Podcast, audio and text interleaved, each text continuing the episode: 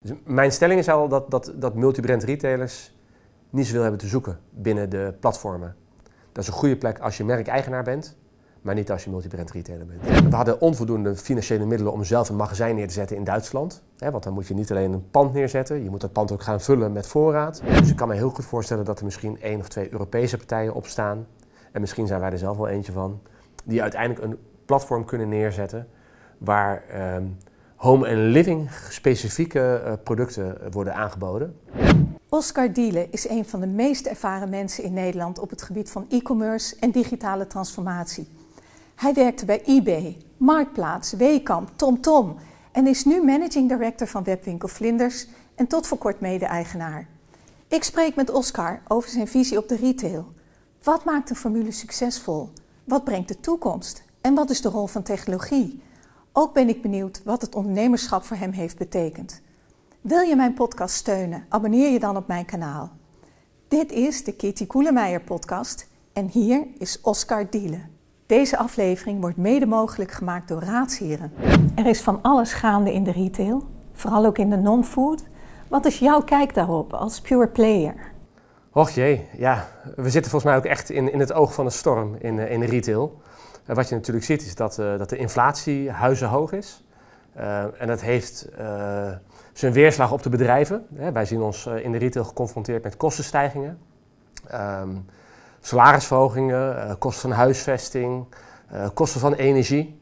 Dus je ziet hè, dat, je, dat je steeds meer geld kwijt bent aan de kostenkant. We zien aan de andere kant dat consumenten steeds meer de hand op de knip houden. Dus inflatie heeft echt een drukkend effect op de consumentenbestedingen. Dan merk je dat echt? Ja, dat merk je echt. Dat merk je echt. En zeker zeg maar, bij de, bij de non-essentiële goederen zie je dat dat hard terugloopt. Ja, en wat je dan als retailer ziet, is dat je aan de ene kant te maken hebt met een stijging in de kosten, aan de andere kant een, een daling in de vraag. En wat er dan nog eens een keer overheen komt, is het feit dat eigenlijk post-corona de hele keten enorme voorraden heeft opgebouwd. Want we dachten allemaal dat die shift naar online, eh, dat die zou blijven op, op dat niveau en dat die niet meer terug zou vallen. Dus wat je ziet, zowel bij fabrikanten als bij retailers, dat er heel veel voorraad in de keten zit. En met teruglopende vraag betekent dat ook heel veel uh, prijsconcurrentie. Dus je hebt een, een, een, prijsdruk, lage marges, hoge kosten, teruglopende vraag. Ja, en dat is de, de perfect storm waar we in zitten. En dat lees je natuurlijk uh, bijna dagelijks, wekelijks in de krant. Over de retailers die het lastig hebben, de faillissementen, de coronasteun die moet worden terugbetaald. Dus het is, het is wel zwaar weer. Maar dat zijn natuurlijk vooral de, de omnichannel retailers, die ook heel veel fysieke winkels hebben. En de, die, die ketens die soms ook buiten de boot vielen bij coronasteun. Maar jullie zijn een pure player. Hè? Dus ik, ik kan me voorstellen dat dat anders is. Ik denk dat ook pure players het best wel lastig hebben. En met name als je kijkt naar wat is je rol in de waardeketen. Uh, Vlinders, mijn bedrijf, we zijn een meubelwinkel in het, uh, in het hogere segment. We verkopen meubels, verlichting en woonaccessoires. Maar we zijn een multibrand retailer. Dus dat betekent dat we producten verkopen ja, die je ook op andere plekken kunt kopen. En wat je daar natuurlijk ziet is, je bent niet uniek als retailer. Er is enorm veel prijstransparantie in de markt hè, door Google Shopping, de marketplaces. Dus uiteindelijk gaat het ook om van wat is nou je toegevoegde waarde als retailer. Um, als het alleen maar gaat om dat product en de prijs, dan wordt het een red race naar de bodem. En dan heb je niet zoveel toegevoegde waarde meer. He, dus ook zeg maar uh, online zijn alle multibrand retailers ook bezig met hè, hoe ga ik mij nou onderscheiden en hoe ga ik er nou eindelijk voor zorgen dat ik ook waarde toevoeg, behalve dat product en behalve die prijs. Ja, die, die race to the bottom is natuurlijk al gaande. ook de grote marketplaces zoals Amazon, die daar juist, uh, ja, die, die, vind, die, die beroepen zich daarop, hè, die ja. maken daar een sport van. Maar hoe kun je je dan onderscheiden? Want een heleboel consumenten, ja, je kunt je geld maar één keer uitgeven. Waarom zou je dan meer betalen voor hetzelfde product? Ja, nou dat is uiteindelijk zeg maar waar we de hele dag mee bezig zijn om het onderscheidend vermogen in te vullen. En dat kun je op heel veel verschillende manieren doen. Um, hè, voor ons gaat dat uh, om het assortiment, de keuzes die je daarin maakt. Welke producten ga je uh, op voorraad nemen, dus ook de voorraadbeschikbaarheid. Het gaat ook over de content die je biedt. In ons geval, meubels koop je niet zo vaak, dus als je dat koopt is er veel onzekerheid. En dat kun je wegnemen door bijvoorbeeld content aan te bieden rondom inspiratie. Maar ook content die de brug helpt te slaan uh, tussen de technologie uh, van een webshop en de woonkamer, hè, augmented reality, dat soort zaken. Uh, deskundigheid, heel belangrijk. Dus hoe, hoe, geef je advies? Hoe zorg je ervoor dat klanten in hun koopproces uh, bij je terecht kunnen met vragen en onzekerheid? Um, uiteindelijk de hele klantervaring van je, van je webshop zelf. Ehm, en, en, als laatste voor ons ook de fulfillment, dus ook de last mile, is voor ons iets wat we zelf in eigen hand hebben genomen om dat onderscheidend vermogen te kunnen maken. En hoe, hoe kopen mensen uh, producten uit jullie categorie? Is dat, uh, gaan ze heel erg, heel erg... Ik kan me voorstellen dat er ook segmenten in zijn natuurlijk. Ja. Maar ga je heel erg zoeken en vergelijken? Kies je het goedkoopste? Of is het zo dat je eenmaal op een, ja, op een punt bent wat je bevalt... bij een aanbieder die je bevalt, dat je daar dan ook blijft... als het prijsverschil maar niet te groot is? Ja, ja er zijn natuurlijk heel veel verschillende ja. klantreizen en heel veel verschillende behoeftes. Sommige klanten die uh, willen hun huis opnieuw inrichten, maar hebben op dat moment helemaal geen idee van wat zijn de trends en past het bij de rest van mijn interieur en, en wat zijn eigenlijk de keuzes die ik kan maken. Dus die hebben veel meer behoefte aan een stuk inspiratie en hulp. Er zijn ook klanten die weten heel goed wat ze willen, die komen heel specifiek voor een, voor een lamp uh, dat type binnen. Ja, die kiezen vaak op beschikbaarheid, hè, is iets op voorraad en op prijs. Maar wij proberen juist ook ervoor te zorgen dat in de hele uitlevering je de belofte zwaar maakt en vaak ook overtreft. En wat wij zien is als je dat goed doet, uh, dat het ook helpt en dat klanten dan vaker terugkomen. dus wij definiëren klantloyaliteit eigenlijk als het uh, percentage van onze omzet wat komt van terugkerende klanten. En we zien dat dat inmiddels boven de 50% is. En daar zit een hele mooie stijgende lijn in. Ja, en, en ook qua groei, is, richt je daarop? Wat, wat voor, uh, ik kan me voorstellen dat je wilt groeien. Um, ja, in, in welke orde van grootte moet ik dan denken? Ja, als je het hebt over, over de doelstellingen en de groei, ehm, en dat is in deze markt is het moeilijk, want op dit moment staan de consumentenbestedingen onder druk. dus voor ons is eigenlijk uh, het belangrijkste dat we harder groeien dan de markt. Dus wij kijken daar wel naar uh, cijfers uh, van de branche, bijvoorbeeld van thuiswinkel. Dus we willen harder groeien dan de totale home and living markt. Um, en we willen winstgevend groeien, onderaan de streep natuurlijk ook nog een beetje verdienen.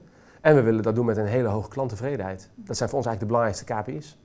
En nou heb je een hele lange ondernemersreis eigenlijk doorgemaakt hè, met uh, Vlinders. Ja. Jullie begonnen in 2010 en er zijn natuurlijk e-commerce aanbieders die veel, die veel uh, langer al bezig zijn. Maar het is toch een flinke tijd al, 13 jaar. Ja. En je bent er vrijwel vanaf het begin bij betrokken. Ja, zeker. Ik heb uh, in loondiensten hele mooie dingen gedaan uh, met digitale transformatie voor, uh, voor bedrijven als, als, als Wekamp, eBay Marktplaats. Ik, ik, ben een marketeer van achtergrond. Ehm, ik ben er eigenlijk van overtuigd dat klanten veel minder wispelturig zijn dan heel veel mensen beweren. Dat klantbehoeftes eigenlijk best wel voorspelbaar zijn. En ik, ehm, ja, ik, ben er, ik ben van mening dat de klantbehoeftes relatief stabiel zijn, maar de manier waarop je die invult, dat die juist aan enorme veranderingen onderhevig zijn. Geef eens aan hoe jij een klantbehoefte zou omschrijven. Nou, als, mijn eerste werkgever was Wekamp. Uh, toen ik daar kwam werken was het een postorderbedrijf met een catalogus. Ja. En de klantbehoefte was eigenlijk gemakkelijk thuiswinkelen vanuit je luie stoel. Alleen die catalogus had eigenlijk heel veel nadelen. Het assortiment was al verouderd op het moment dat hij bij de drukker vandaan kwam. Je kon in een catalogus niet zien of een product nog verradig was of niet. Je kon de prijzen niet uh, aanpassen op basis van hoe hard het doorverkocht. Je kon het assortiment niet uh, uh, updaten. En toch was dat toen het toppunt van gemakkelijk thuiswinkelen. Um, toen hebben we met een van de eerste webshops van Nederland... hebben we op een andere, in mijn optiek betere manier ingespeeld op die klantbehoeften. Waardoor we oneindig veel assortiment konden toevoegen. Dagelijks met prijzen konden variëren. Klanten veel beter konden informeren over voorradigheid klanten veel meer informatie konden geven over de producten. Dus die klantbehoefte van gemakkelijk thuiswinkelen, die bleef eigenlijk hetzelfde.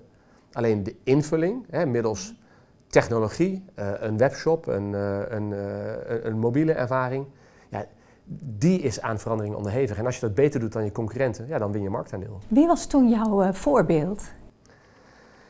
Nou, die waren er niet zo heel veel. Um, want er waren niet zo heel veel bedrijven die op afstand kredietrisico kunnen inschatten. Welke klant gaat wel en niet achteraf het pakketje betalen? Hoe heb je je logistiek ingericht? Ja.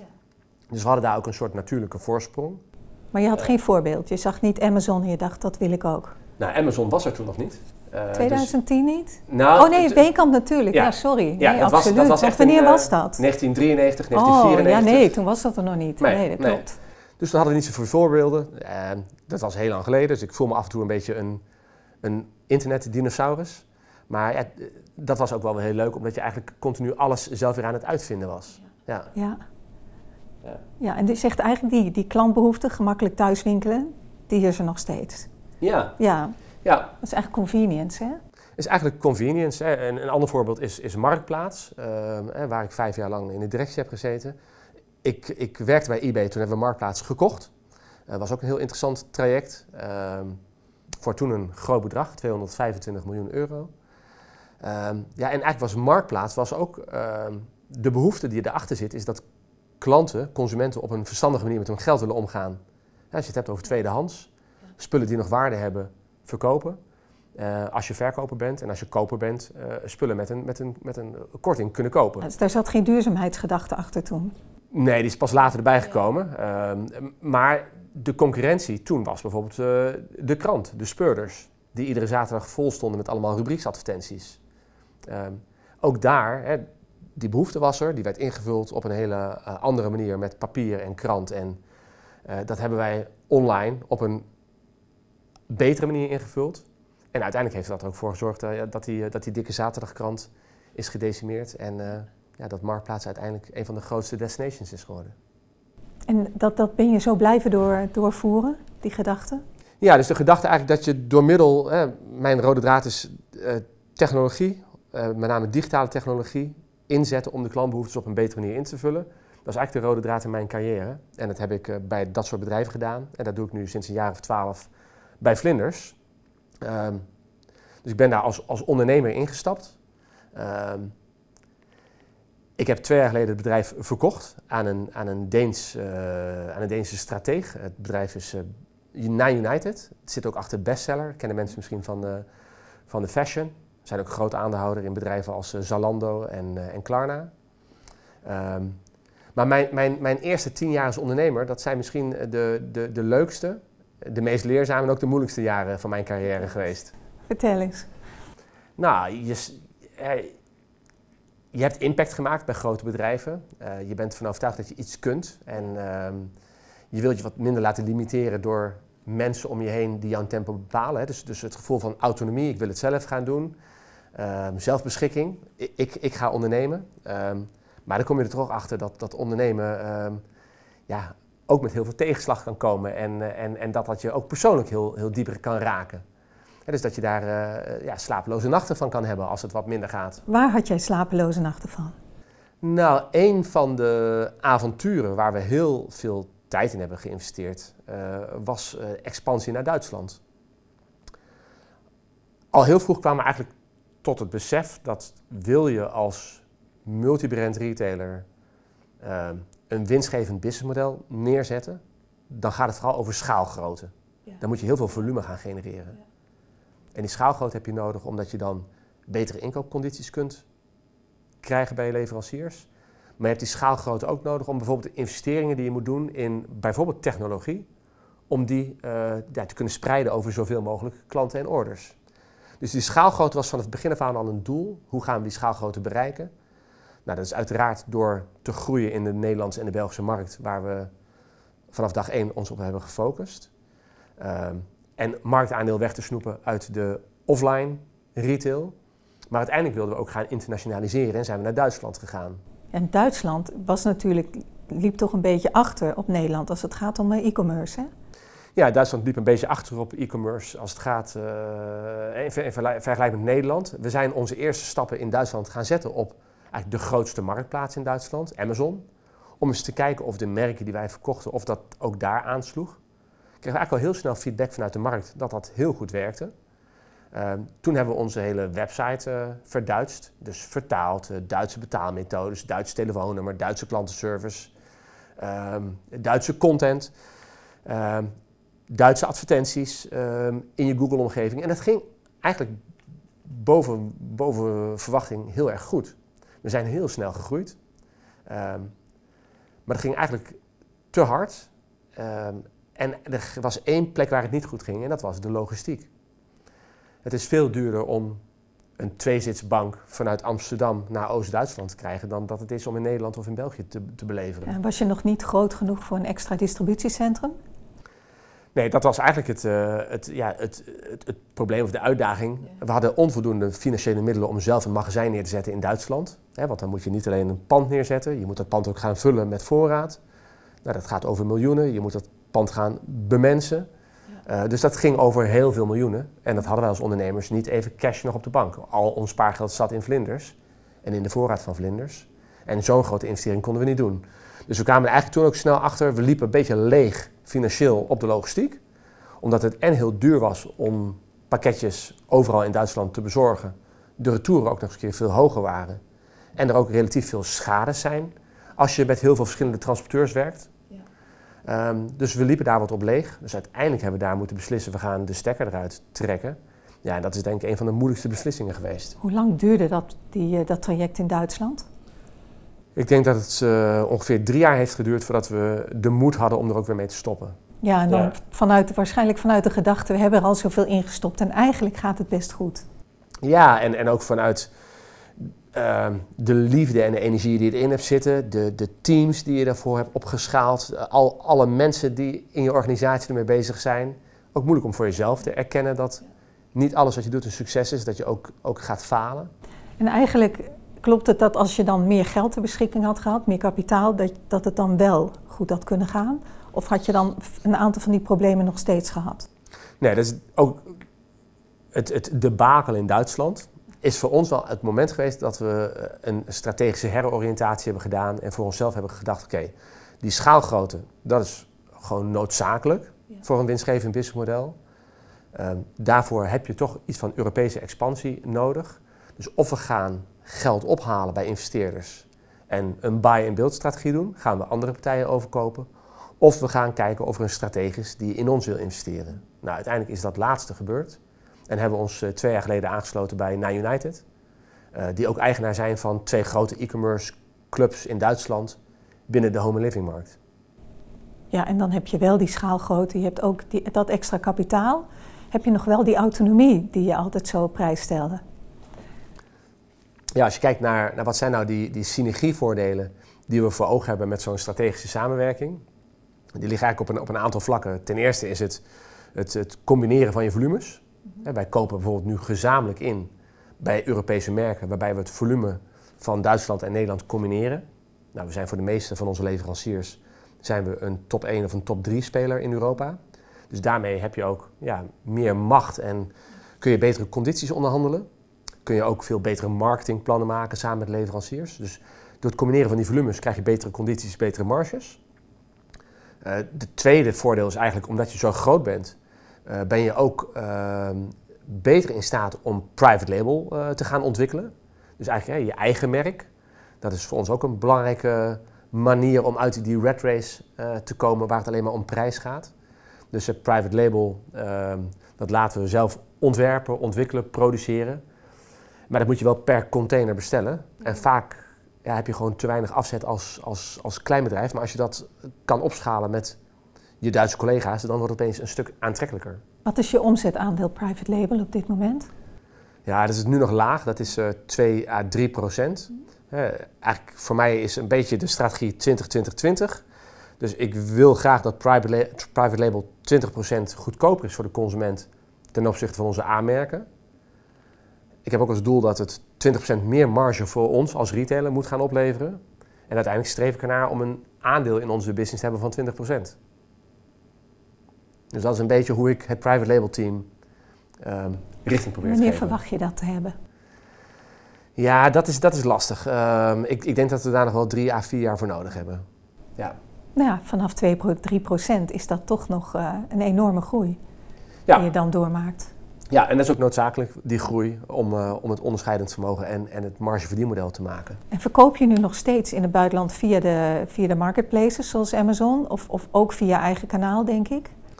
Ja, we zijn helemaal gestopt met verkopen naar het buitenland. Want ook als je via marketplaces verkoopt, uh, dan doe je toch vaak de logistiek zelf. Dus daar zijn we mee gestopt. Ja, dus als, als vlinders doe je dat niet, maar als het, het buitenland wordt bediend door andere bedrijven ja. in, de, in de moeder. Dat klopt, dat klopt. En die verkopen in principe dezelfde producten, hetzelfde assortiment.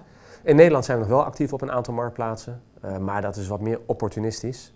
Uh, voor private label is het heel erg interessant, want daar heb je een uniek aanbod. Maar voor al die ja, niet unieke producten is het eigenlijk uh, ja, een plek waar je heel moeilijk je kan onderscheiden. Dus mijn stelling is al dat, dat, dat multibrand retailers niet zoveel hebben te zoeken binnen de platformen. Dat is een goede plek als je merkeigenaar bent, maar niet als je multibrand retailer bent. Nou, het is een, een, een gewaagde stelling. Ik volg hem wel. Ja, en dat, dat is ook eh, ja, een, een, een, keten zoals de HEMA, hè, die, die, die zich natuurlijk gelukkig hebben, al jaren geleden al zeiden. Het is, het is ons eigen merk, Ja. onze eigen uitstraling die ons redt. En het is natuurlijk ook een, een manier om je merk veel sterker voor het voetlicht te brengen. Hè? Absoluut. Ja, de marktplaats heeft natuurlijk een enorm bereik. En als je daar je eigen merk uh, kan controleren en zelf bepaalt hoe je merk wordt gepositioneerd. En ook voor zorgt dat er geen enorme prijsconcurrentie plaatsvindt, omdat je met je eigen merk gaat, gaat concurreren met andere retailers. Dan kan het een hele goede strategie zijn. Ja. ja.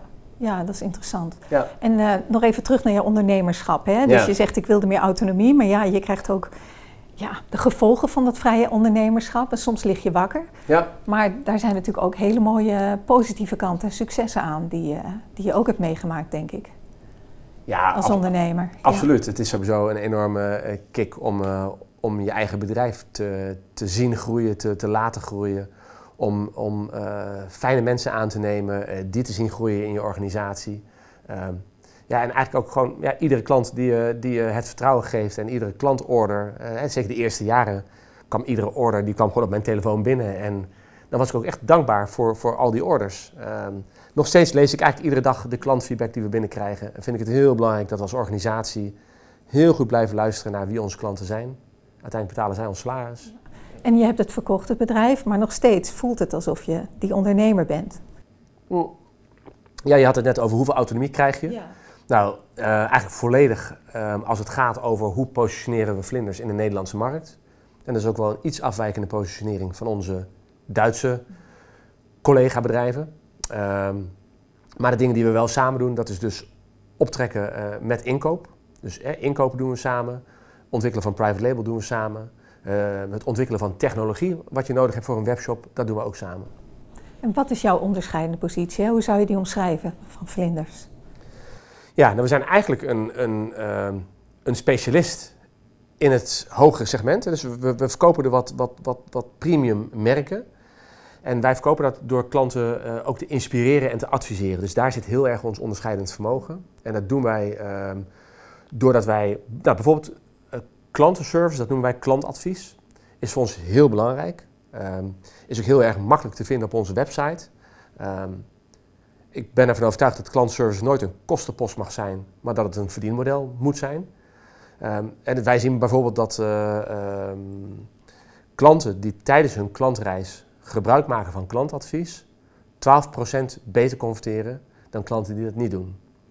En we zien ook dat, eh, dat de klanten die contact hebben gehad met onze klantadviseurs, ehm, eh, dat die, eh, dat die ongeveer eh 15% van onze totale omzet genereren. Maar we weten precies van, van iedere klant die contact heeft gehad, of die klant wel of niet een order plaatst. Die informatie gaat ook terug naar de klantadviseur. Dus dat is ook een soort beloning voor die adviseur van die klant die je gisteren of vandaag hebt geholpen. Die heeft nu ook een order geplaatst. En zo kunnen we eigenlijk ook uitrekenen eh, wat een klantenservice medewerker, een klantadvies consultant, eh, wat die oplevert. Dus wij zorgen eigenlijk voor dat onze eh, bezettingsgraad op klantadvies onbeperkt is. En dat klanten altijd bij ons terecht kunnen met e-mail, chat, telefoon, WhatsApp. Omdat we gewoon zien dat er heel veel pre-sales vragen zijn, waarbij we de klanten kunnen helpen om, eh, om die aankoop te doen. Ja, je, en je verzamelt natuurlijk ook data. Ja. Maakt gebruik van AI. Ja, Wat doe je daar zo mee? ChatGPT heeft iedereen het over, maar er is natuurlijk nog veel meer. Ja, ja. nou ja, ChatGPT is, is, is best belangrijk als het gaat over het creëren van content. Ehm, wij gebruiken AI eh, voor een deel voor het creëren van content voor onze, onze pagina's, om ook gevonden te worden door de zoekmachines. En ook om eigenlijk onze contentschrijvers een voorzetje te geven. Die, die worden daarbij geholpen, maar die maken het zelf wel af. We gebruiken het ook om eh, onze klantadviseurs een voorzetje te geven. Dus we hebben de hele historie van al onze klantconversaties en onze klanthandboeken in een, in een eh, open AI-achtige omgeving ingeladen. Waardoor het systeem zelf is gaan leren bij die klantvraag, is dit antwoord waarschijnlijk het antwoord wat het beste past.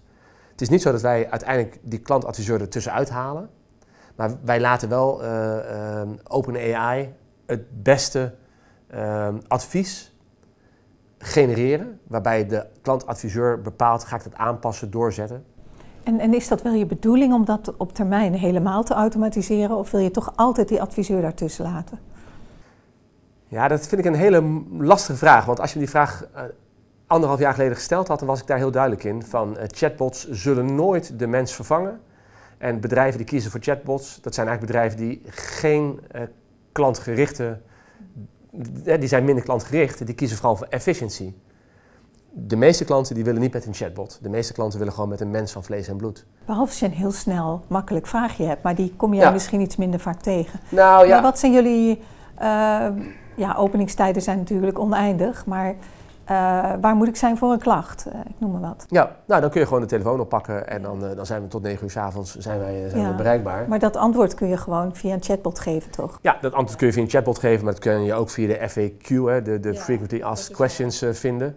Ehm, maar als het gaat over wat ingewikkeldere ehm, eh, vragen, ehm, ja, dan willen de meeste klanten toch een mens van vlees en bloed. Maar ik vind wel dat de technologie enorm hard gaat en dat de kwaliteit van de, van de antwoorden die je kan genereren, dat die heel erg hard aan het toenemen is. Dus ik weet niet meer zeker of ik nog steeds deze stelling eh, durf te verdedigen.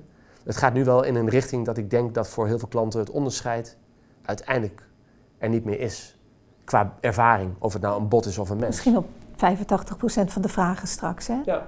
Ja, en, Ja. en de vraag is ook hoe inspireer je zonder mensen, hè? Ik bedoel, ik denk dat jouw jouw klantenadviesteam Ja. ook in die inspiratie wel een rol speelt. Ja, en inspiratie dat doen we door middel van productkennis, maar dat doen we ook eh, door middel van ehm, eh, eh, content die heel visueel is. Ik heb bijvoorbeeld wat, wat, wat magazines meegenomen die wij, die wij maken. Ja, vlinders, wat woon je mooi staat eronder. Het staat er steeds onder. Ja. Misschien kun je even beschrijven hoe, hoe Ja. je dit doet. Dit, dit zijn magazines, die maken wij twee keer per jaar. Die maken wij helemaal in huis. En dat gaat vooral heel erg om inspiratie.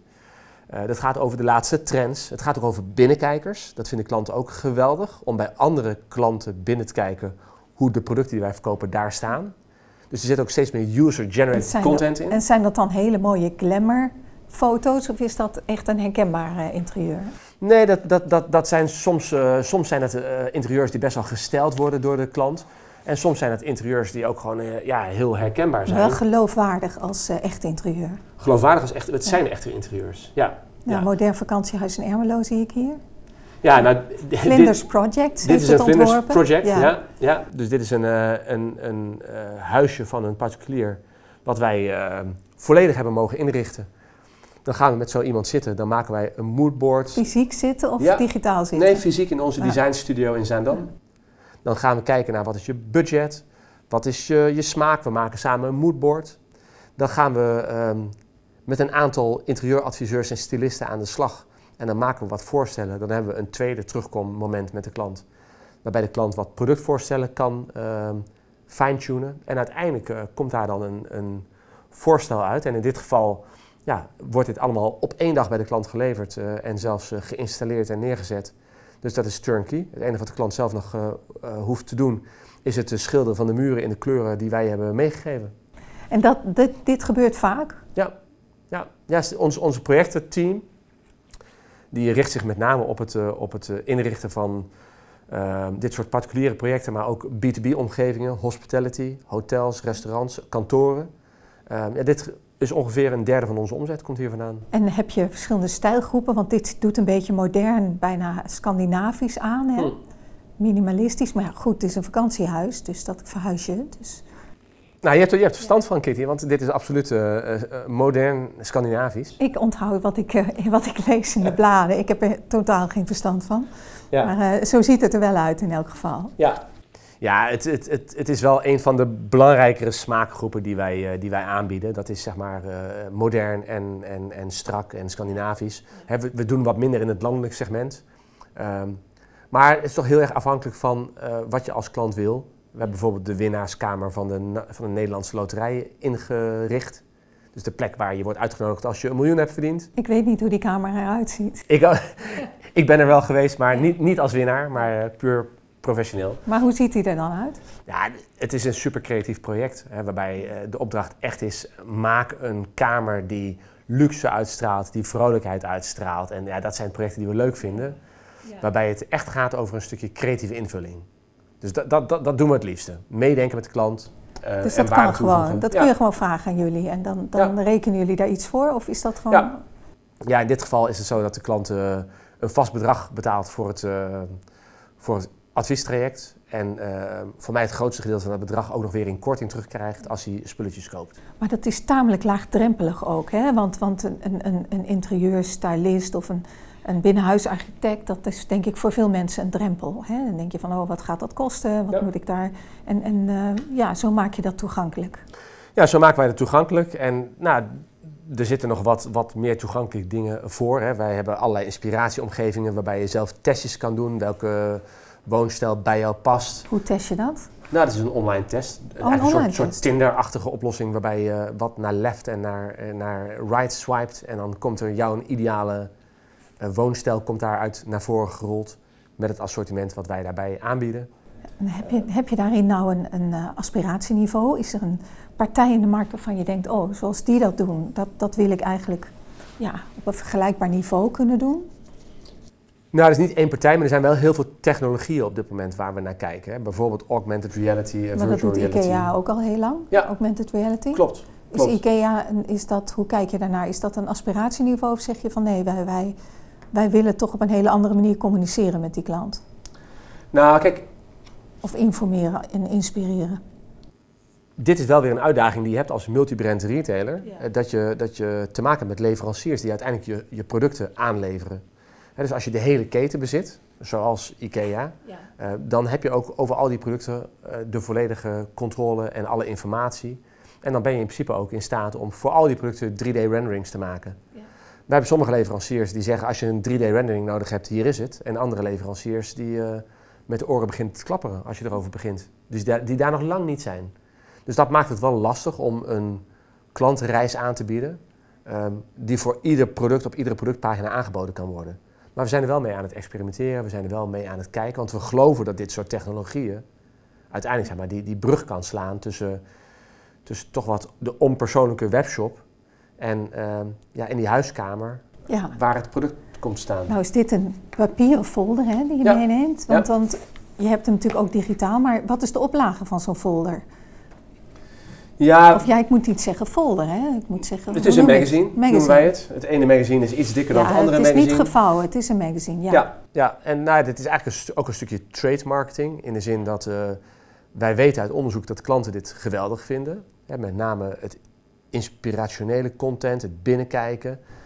Um, Waarmee je dan ook met zo'n magazine in je hand door je eigen huis kunt lopen, hè? Ja, Zeker. Wat toch iets makkelijker is misschien? Ja, ja we sturen het mee met onze, met onze bestellingen. Dus het, het kost wat dat betreft geen extra porto. Maar dan ben je al klant? Dan ben je al klant. We zien wel, hebben getest dat klanten die het magazine ontvangen uh, loyaler worden dan klanten die het magazine niet ontvangen.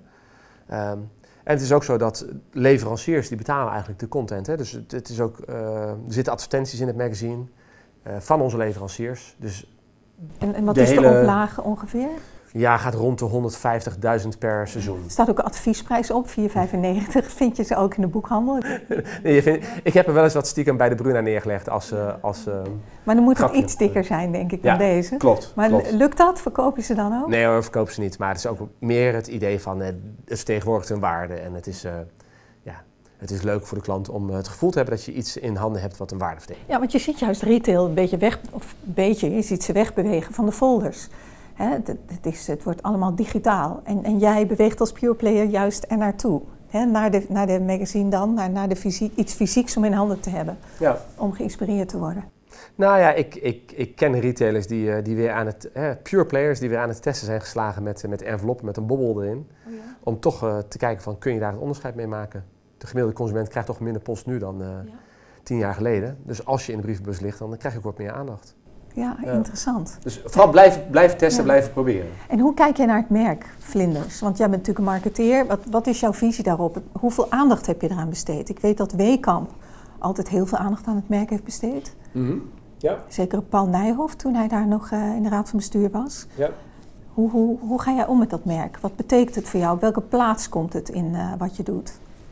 Nou ja, uiteindelijk waar het merk voor staat, hè, dus de, de, de specialist die inspireert en adviseert, dat proberen we echt wel in het DNA van het hele bedrijf neer te zetten. Eh, dus dat zie je eigenlijk ook wel terug bij iedereen die we aannemen.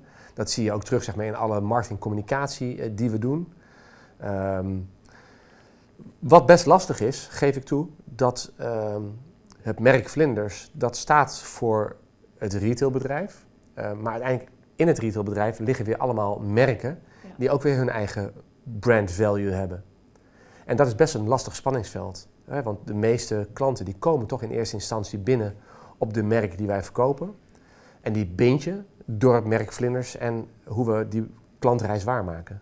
En wat is de merkboodschap of de payoff? Wat, wat, is, wat is voor jou Vlinders?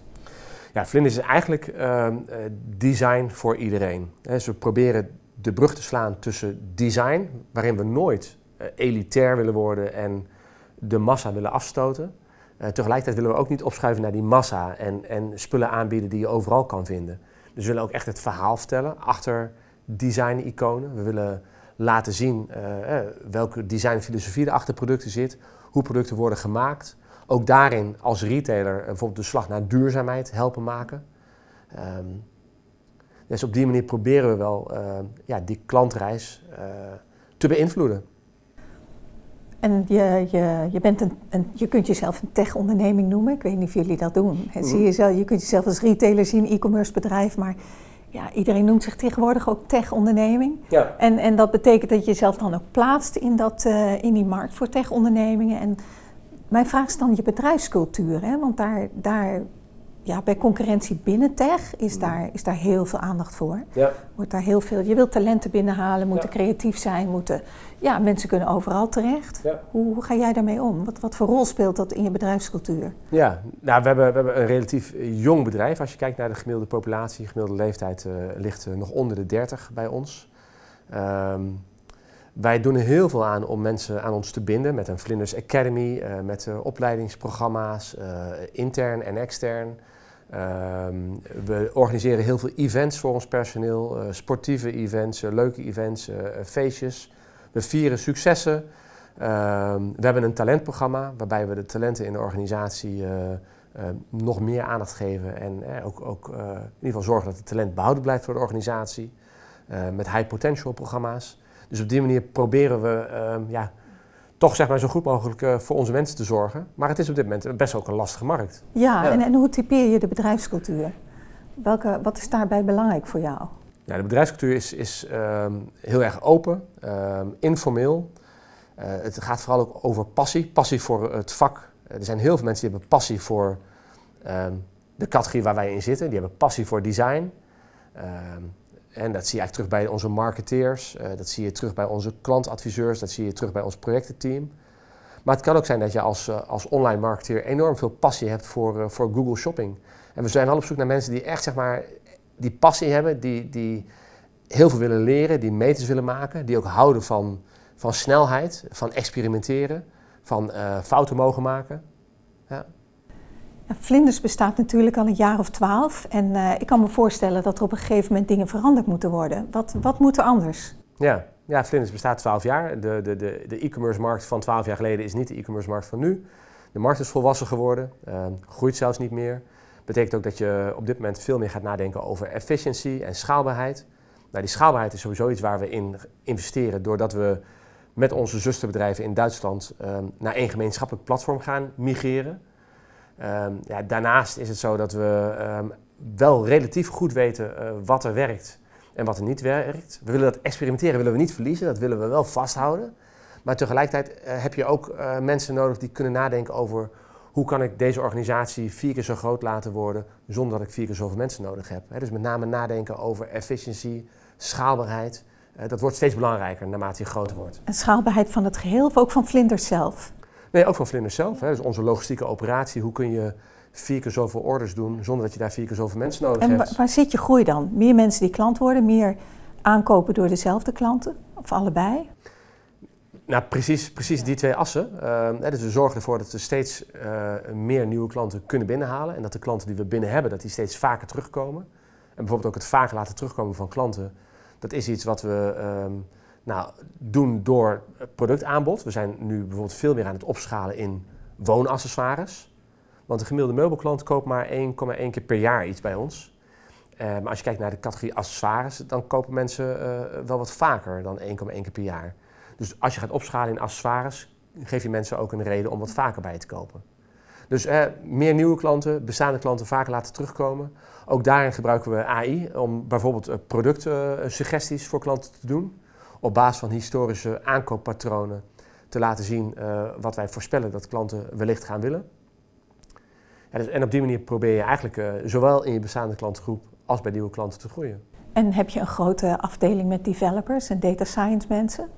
Ja. Veel ja. groter dan, dan omnichannel retailers, denk ik. Nou, dat is altijd ons- de uitdaging hè, daar. Ja, je had het net over, zie je jezelf als techbedrijf of niet? Eh, ja, we zien onszelf wel als, als techbedrijf. En wij doen eh, de development van onze, van onze webshop, van onze winkel, doen wij helemaal zelf in huis. Dat is wel heel fijn, want dat betekent eigenlijk dat je vandaag een idee kan hebben wat morgen al live kan staan. Ehm, het is voor ons ook, ja, uiteindelijk hart en ziel van die klantervaring. Hè, die, die, die, die webwinkel is uiteindelijk zeg maar, de plek waar die klant gaat ervaren waar Flinders voor staat. Dus ja, dat is, dat is zo belangrijk in die klantreis, dat willen we graag in eigen hand houden. Develop, development doen we zelf, developers halen we zelf in huis. En daar zijn we heel zuinig op. En wat zijn nou de belangrijkste KPI's waar jij op stuurt? Of, Belangrijkste KPI's uh, waar we op sturen. Um, nou, financieel gezien zijn dat, uh, is dat omzet, omzetgroei, uh, EBITDA, um, maar ook klanttevredenheid is iets wat we uh, meten en waar we op sturen en wat we ook rapporteren. Ook naar onze aandeelhouders. NPS? Ja, NPS. En, en, hoe hoog is die, als ik vraag mag? Nou, dat meten we vooral zeg maar, voor um, ons eigen vervoer, waar we zelf ook de klanten beleveren. We hebben iets van zes vrachtwagens uh, door Nederland en België rijden met een chauffeur en een bijrijder, uh, die bij jou thuis het bankstel komen afleveren, in elkaar zetten, verpakking mee terugnemen. En daar zitten we op NPS-scores van boven de 80. Daar zijn we heel erg blij mee. Dat is enorm. Ja, ja. En ook daar zien we dat klanten die we zelf hebben beleverd uh, veel loyaler worden dan klanten die we hebben laten beleveren door een externe partij. Ja. En, en wat, wat heb je nog meer? Omzet, EBITDA? Omzet, EBITDA, uh, klanttevredenheid. Dat zijn eigenlijk de allerbelangrijkste. En daarnaast, ja, weet je, als je retailer bent, dan kijk je ook naar kapitaalbeslag in je voorraad, omloopsnelheid. Uh, ja, we, we, hebben iedere maand een, een uh, dashboardrapportage, waarbij iedere afdeling zijn eigen KPI-set heeft. He, dus category management heeft andere KPI's dan marketing, heeft andere KPI's dan logistiek. Logisch. Ja. En, en over vijf jaar, of een jaar vijf tot tien, hoe ja. winkelen we dan? Wat verandert er? In, jou, in jouw uh, bedrijf, in jouw uh, categorie, maar ook misschien meer het algemeen? Ja. Nou, ik geloof dat over vijf jaar um, klanten kiezen voor een multibrand retailer als daar ook beleving en toegevoegde waarde zit. En uiteindelijk denk ik dat het heel lastig is voor kleine standalone uh, multibrand re retailers om te overleven. Dus ik geloof uiteindelijk dat de platformen een belangrijke rol gaan krijgen in, uh, in de shopervaring. Ik betwijfel alleen of de huidige platformen, zoals Amazon en Bol, voldoende gefocust zijn op de home and living categorie, om daar ook de beleving toe te voegen waar de klant op zit te wachten. Dus ik kan me heel goed voorstellen dat er misschien één of twee Europese partijen op staan, en misschien zijn wij er zelf wel eentje van, die uiteindelijk een platform kunnen neerzetten waar um, home en living specifieke uh, producten worden aangeboden. Niet alleen door retailers in Europa, maar ook door de merken. Want die zullen ook steeds meer direct to consumer gaan. En die zullen er ook steeds meer achter komen dat, uh, ja, dat het ook een, een, een, vak is wat je niet even ernaast kan doen. Dus ik denk dat veel uh, brands de platformen nodig hebben om die consument te bereiken. Maar dat zijn dan toch iets meer gespecialiseerde platformen, niet ja. de generieke marketplaces. Want blijkbaar heb je voor die categorie niet, niet een everything store nodig. Nee. Ook niet voor de accessoires, nee. hoor ik jou zeggen. Ik, daar heb je echt veel beleving en inspiratie nodig. En dat zit uh, onvoldoende in de huidige marketplaces. Ja, en ja. Jij, jij zegt ik kan dat online, uh, kan ik dat bieden. En, en uh, de generatie Z, welke rol spelen, de, spelen deze consumenten nog in de toekomst? Hè? Zie je verschil in hoe zij winkelen, hoe ze kopen? Ja, en, enorm. Um, hè, dus voor ons, omdat inspiratie zo'n belangrijk onderdeel is van die klantreis, zie je eigenlijk dat, dat, dat de social uh, kanalen, uh, Pinterest, TikTok, Instagram, dat die heel erg belangrijk aan het worden zijn. Um, en, en ja, ook daar um, kun je gewoon niet meer ontbreken. en het is gewoon een heel belangrijke plek in de klantreis waar mensen ontdekken, geïnspireerd worden. Dus voor ons een belangrijk kanaal wat we ook samen met onze leveranciers invullen. Wij hebben natuurlijk de, de, de eyeballs, het publiek. De leveranciers hebben de producten. Dus daar maken we samen ook mooie marketingplannen mee. hoe we de producten van leveranciers via social onder de aandacht brengen van onze klanten. Social, zijn er nog andere verschillen? Ik denk aan bijvoorbeeld aan duurzaamheid, Ja. aan eh, hoe de eh, circulaire economie, hoe Ja. belangrijk dat is eh, voor deze groep. Ja, dat is een heel groot onderwerp. Ehm, En blij dat je het aan, aansnijdt. Daar kunnen we denk ik ook wel een uur over praten, over duurzaamheid en circulariteit. Ik geloof ook wel dat dat, dat, dat eh, niet beperkt is tot de generatie Z. Eh, ons klantonderzoek laat zien dat steeds meer klanten ehm, ja, geven om, eh, om duurzaamheid. Ehm, het is wel lastig, want je, ziet wel een spagaat. Dat, dat, dat uiteindelijk als klanten ervoor moeten betalen, zie je toch iets minder bereidwilligheid. Dat is een kleinere groep klanten die dat dat, wil en die dat waarschijnlijk kan. eh, voorzichtig uitgedrukt, iets minder bereidwilligheid. Ja, ja, Ja. zeker. zeker. Maar ja, ik, ik ben ervan overtuigd dat wij als retailer een verantwoordelijkheid hebben in het verduurzamen van de, van de sector. Ehm, uiteindelijk zijn wij de plek, de winkel, waar die klant de keuze maakt tussen een duurzaam product of een niet duurzaam product. En wij kunnen die klant beslissing beïnvloeden door enerzijds bij de leveranciers druk uit te oefenen op verduurzaming van hun assortiment. En aan de andere kant ook productdata te verzamelen, waarbij we klanten kunnen uitleggen wat het duurzame alternatief is. En heel veel, heel veel retailers en in e-commerce is bijna iedereen bezig met dingen als verzenden, verpakken, retourneren. En daar doen wij ook heel veel gave dingen die heel duurzaam zijn. Maar uiteindelijk zeg maar, is toch het overgrote deel van de, van de impact op het milieu is het product zelf. En het verduurzamen van het productaanbod, ja, daar wordt de meeste impact gemaakt. Ja, en, en klanten gaan ook verwachten dat je dat voor ze doet. Ja. Absoluut. Eh, steeds meer klanten die gaan zoeken naar duurzame alternatieven. Steeds meer klanten verwachten ook dat ze informatie kunnen vinden over wat maakt dit product duurzaam. En als je klanten daarbij kan helpen, eh, ja, dan, dan kun je de samenleving een duwtje in de goede richting geven. Maar staat het bovenaan je lijst, verduurzaming? Of is het iets waarvan je zegt, nou, dat, dat gaan we doen, dat is belangrijk? Of als marketeer, hoe Ja. belangrijk is het in je marketing? Ik bedoel, natuurlijk doe je het en moet je het doen, iedereen doet het. Ja, Maar ja, ga je erin voorlopen? Ja. Kan, je- kan je het veel meer gebruiken in, in plaats van eh, aan de kostenkant en ja, ook kosten besparen door te verduurzamen aan de, aan de marketingkant? ja. Nou, we, we, we willen daar wel een koploper in zijn. En ik denk dat het belangrijk is dat je eh, verduurzaming, eh, duurzaamheid kan combineren met de plekken waar het ook de business positief beïnvloedt. Want dan gaat het vanzelf rollen. En als je het hebt over een marketeer, die moet gaan begrijpen dat steeds meer consumenten duurzaamheid verwachten en daarna vragen. Dus voor een marketeer is het, is het niet een lastig iets. Het is eigenlijk een manier om je klant nog beter te bedienen. Binnen logistiek, het feit dat we inpakmachines hebben die verpakkingen op maat snijden, ja, dat is een veel fijnere beleving voor de klant, die veel minder lucht in de doos heeft. Maar het is voor ons ook gewoon minder transportkosten. Ja, maar je zegt, we willen voorop gaan lopen. En bedoel je daarmee dat je nog niet voorop loopt? Nou, het is, het is heel lastig. En met name in het verduurzamen van het productaanbod hebben wij ook te maken met onze leveranciers. Waar er een aantal ehm, voorop lopen en ons enorm kunnen helpen ehm, bij het inzichtelijk maken wat er duurzaam is in een assortiment. En die zelf ook een duurzaamheidsstrategie hebben. Maar er zijn ook leveranciers die dat niet hebben. Die geen informatie of onvoldoende informatie hebben over wat maakt mijn product duurzaam. Dus in onze strategie is het wel zo dat wij doelstellingen hebben voor welk aandeel van het assortiment in onze omzet willen wij duurzame alternatieven hebben. Dus daarin hebben we wel een strategie. Ehm, maar zijn we ook wel weer afhankelijk van andere dingen die in de keten gebeuren. En met name ook hè, het kunnen beïnvloeden van die hele keten is denk ik binnen heel e-commerce een heel lastig onderwerp. Binnen hele retail. Binnen hele Scope 3, hè, dat is toch een eh, moeilijk dossier. En, Ja. en toch moet het. Ja. Dat is voor jullie hetzelfde, denk ik. Is voor ons hetzelfde. Ja, ja, ik zit ook in het bestuur van Thuiswinkel. En ook vanuit Thuiswinkel wordt natuurlijk nagedacht hoe kunnen wij onze leden helpen om in ieder geval de regelgeving die op ons afkomt eh, voor te zijn. En ehm, ja, om, om retailers te helpen om, eh, ja, om, om duurzamer retail te gaan bedrijven. Nou, daar staat nog een schone taak eh, te wachten, Zeker. denk ik. Ehm, ik vraag eh, ook altijd aan mensen in deze, deze podcast naar advies voor jonge managers en ondernemers. Die vraag stel ik dan ook aan jou. Nou, advies voor jonge managers en ondernemers. Ja. ja. Wat raad je ze aan? Ja, ga vooral op zoek naar waar je zelf heel erg blij en gelukkig van wordt. En als je dat nou niet weet? dan moet je voor mij heel veel dingen gaan proberen. Dan moet je heel veel gaan experimenteren. En dan moet je, dan moet je ehm, heel veel verschillende dingen gaan doen. Dan moet je jezelf gaan dwingen om heel veel verschillende dingen te gaan doen. Maar ik denk als je, als je de plek vindt waar je zelf gelukkig van wordt... en waar je zelf ook weet dat je een positief impact kan maken...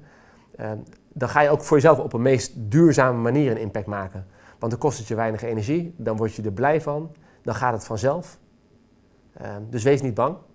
Uh, ga het vooral proberen, ga experimenteren en kijk wat er bij jou past. En, en hoe ging dat bij jou? Wist jij waar je, wat je wilde of heb je ook van alles geprobeerd? Ik ben altijd enorme ehm, liefhebber van, van innovatie en technologie geweest. Altijd al. Al toen ik een tiener was en toen ik met mijn Casio rekenmachinehorloge rondliep. Of toen ik de eerste Commodore 64 van mijn vader kreeg. Of de eerste modem in mijn computer schroefde. Altijd heel gefascineerd geweest wat technologie kan doen voor die klantbeleving. Dus dat was echt mijn passie wat ik in de praktijk heb mogen gaan brengen. Um, ja, en ik, ik heb eigenlijk altijd willen ondernemen. En, en uh, dat nooit gedurfd totdat ik uh, voor mezelf dacht, ik ga het gewoon doen. En ja, wat ik, ga, wat ik aangaf, het is eigenlijk mijn leukste avontuur ooit geweest.